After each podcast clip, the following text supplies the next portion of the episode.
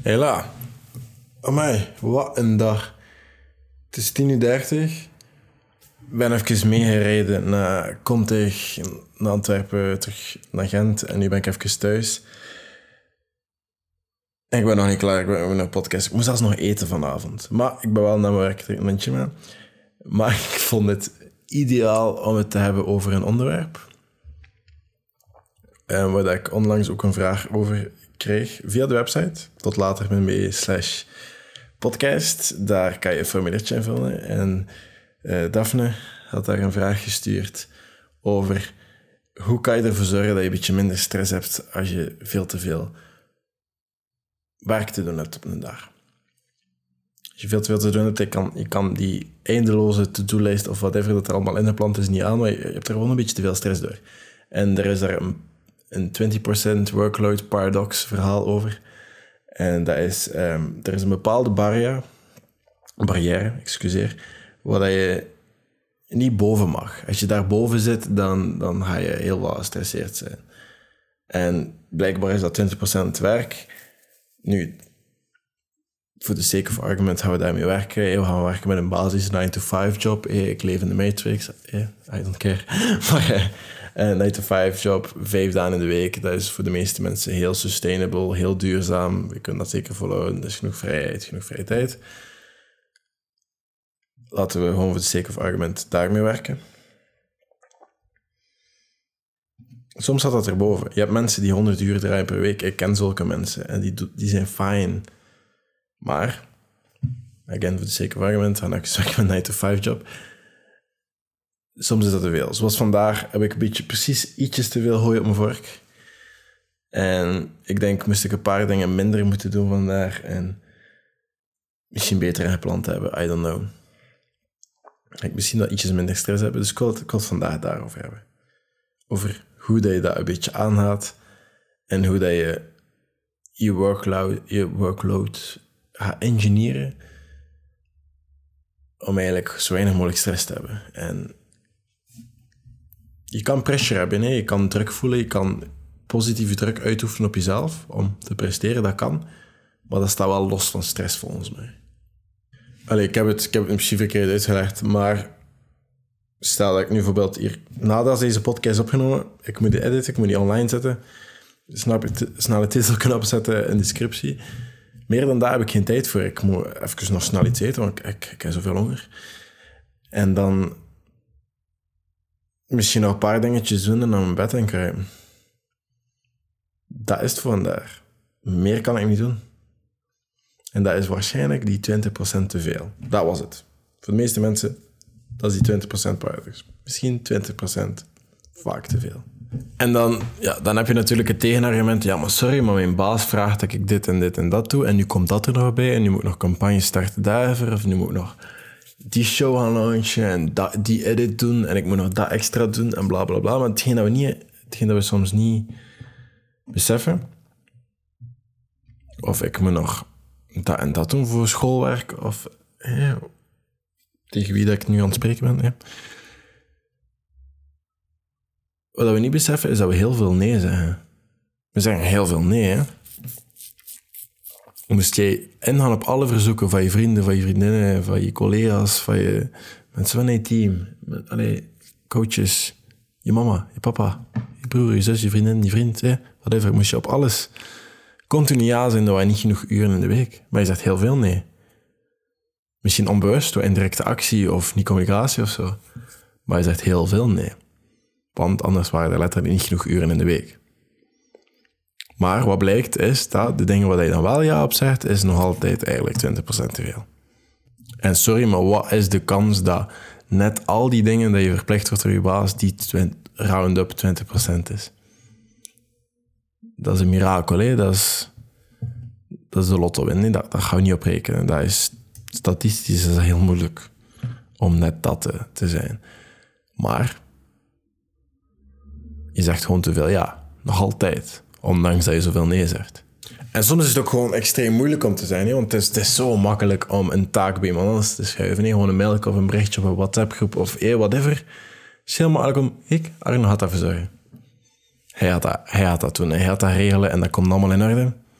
En ik moet er niet meer nadenken. Ik heb dat berichtje gestuurd, dat is bij die persoon en die gaat daarvoor zorgen. Zo makkelijk. En zeg daar maak je niet op. En ik heb zo'n techniek. Ik weet niet of ik die kan aanraden, maar ik heb zo'n techniek. En uh, we zijn altijd op kantoor of zo, of ergens, soms moet je een beetje meer red personality zijn. Er is zo één talenttest dat we ooit gezien hebben in een bepaalde workshop.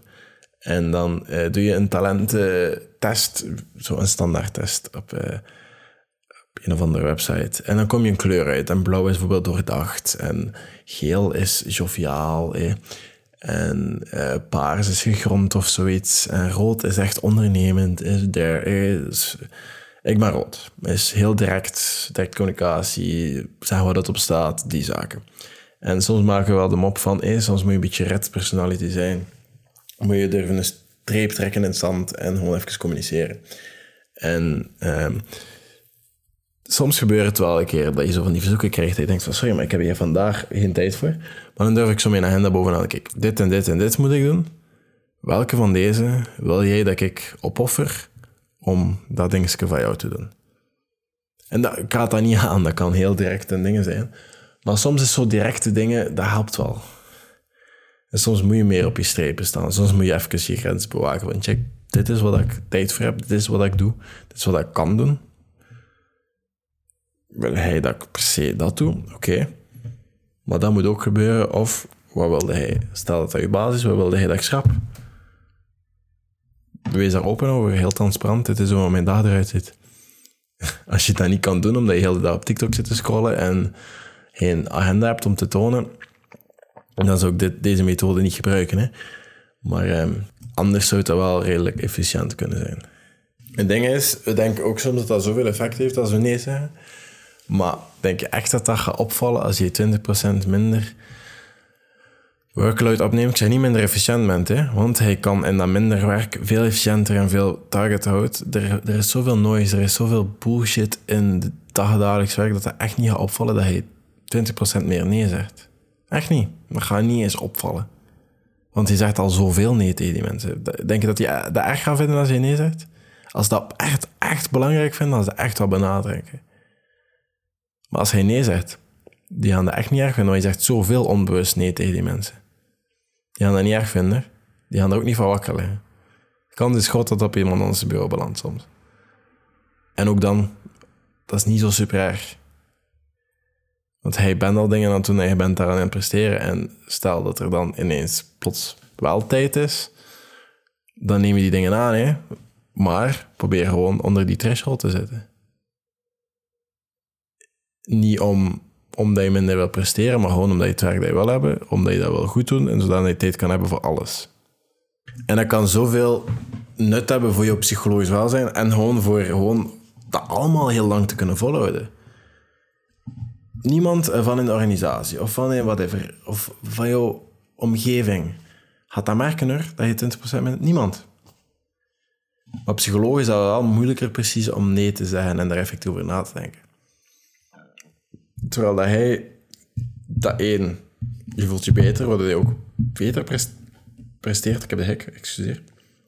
Beter gaat presteren, waardoor je ook gewoon gelukkiger gaat zijn je emotioneel beter voelt, tijd kan maken voor de sport, waardoor je meer energie kan hebben, waardoor je weer gezonder gaat eten waarschijnlijk, letten op je voeding als een side effect van dat sporten. En ja, de betere routine en je gaat rustiger opstaan en je gaat vroeger naar je bed krijgen, omdat je again meer tijd hebt om wat vroeger, eh, ook al is dat die 20%. En misschien gaat dat allemaal ervoor zorgen dat je dat werk, die 20% dat je nu te veel deed, gebruikt om die 100% dat je moet doen, goed te presteren. Ik hoop dat je mee bent met mijn verhaal, want ik denk dat dit wel echt een nuttige boodschap kan zijn voor mensen die soms een beetje voelen dat ze te veel aan het proberen doen zijn. Nee, maar ik denk als je daarmee in dat, als je dat probleem hebt, je denkt van het is, het is veel te veel aan de hand, ik krijg veel te veel stress, is zo die 20% paradox is wel heel nuttig.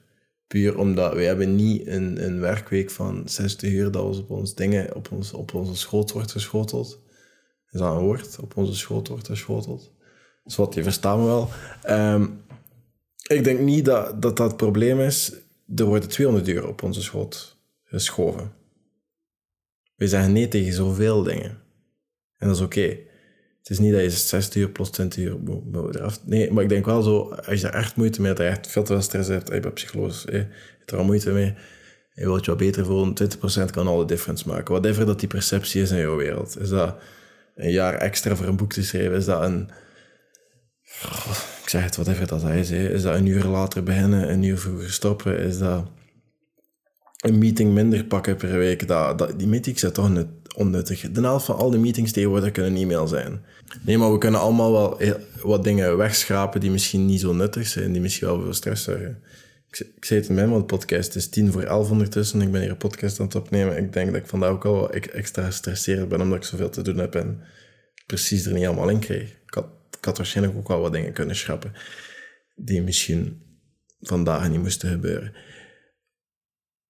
Maar dat is een proces. En ik denk dat daarom dat dat een mooie loop is naar de hashtag tot later challenge vandaag. Allee, deze week. En dat is dat je een routinetje aanhoudt voor je week. Al is dat ochtends, al is dat avonds. Ik ben deze week iedere ochtend gewoon aan het opstaan. Water aan het drinken, lopen, terug thuis komen, douchen, mijn supplementen pakken en dan begin ik mijn werk. Het, is, het kan zo simpel zijn als dat. Maar dat is hoe dat ik nu de laatste twee dagen nu, denk ik, aan, aan het doorbrengen ben. En ik ga dat voor de rest van de week verder zetten. Als je daar iets van post op social media, gebruik de hashtag. Tot later challenge. En stuur zeker nog vragen zoals deze naar uh, de website www.totlater.be slash podcast. Als je een review nalaat op Spotify, dan word ik daar super gelukkig van. Hetzelfde voor iTunes.